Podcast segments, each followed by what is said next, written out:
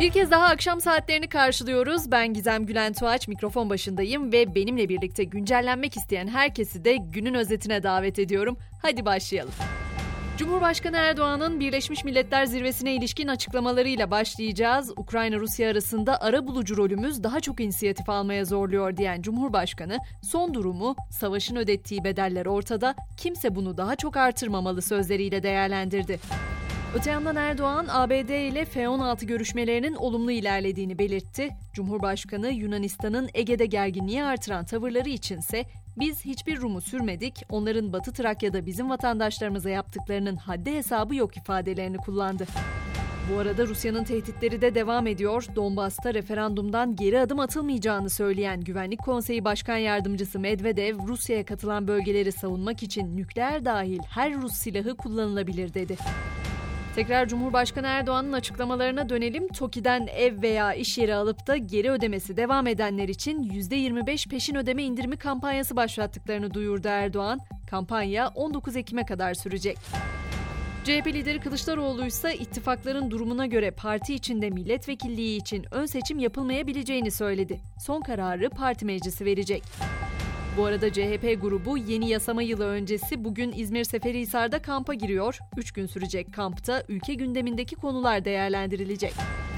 Güney'e gideceğiz. Marmaris'te 19 saatte kontrol altına alınan orman yangınının çıkış nedeni belli oldu. Yangının bölgede arıcılık yapan ve gözaltına alınan 85 yaşındaki kişinin yaktığı ateşle çıktığı açıklandı.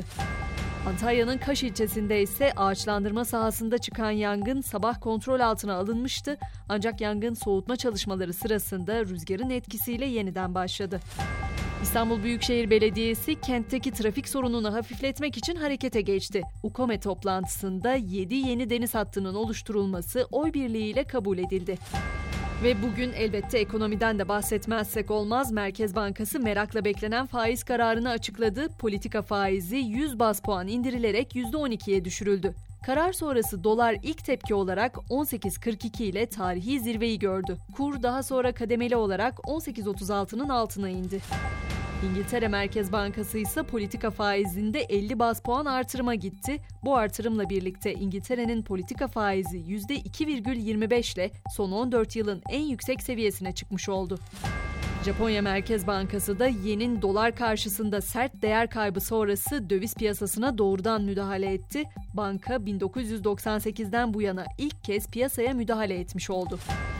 Böylelikle dünya gündemine de geçmiş olduk. Oradan devam edelim. Belçika'da binlerce kişi yükselen enerji fiyatlarına karşı sokaklara çıktı. Başkent Brüksel'de buluşan Belçikalılar hızla yükselen yaşam maliyetine çözüm talep etti.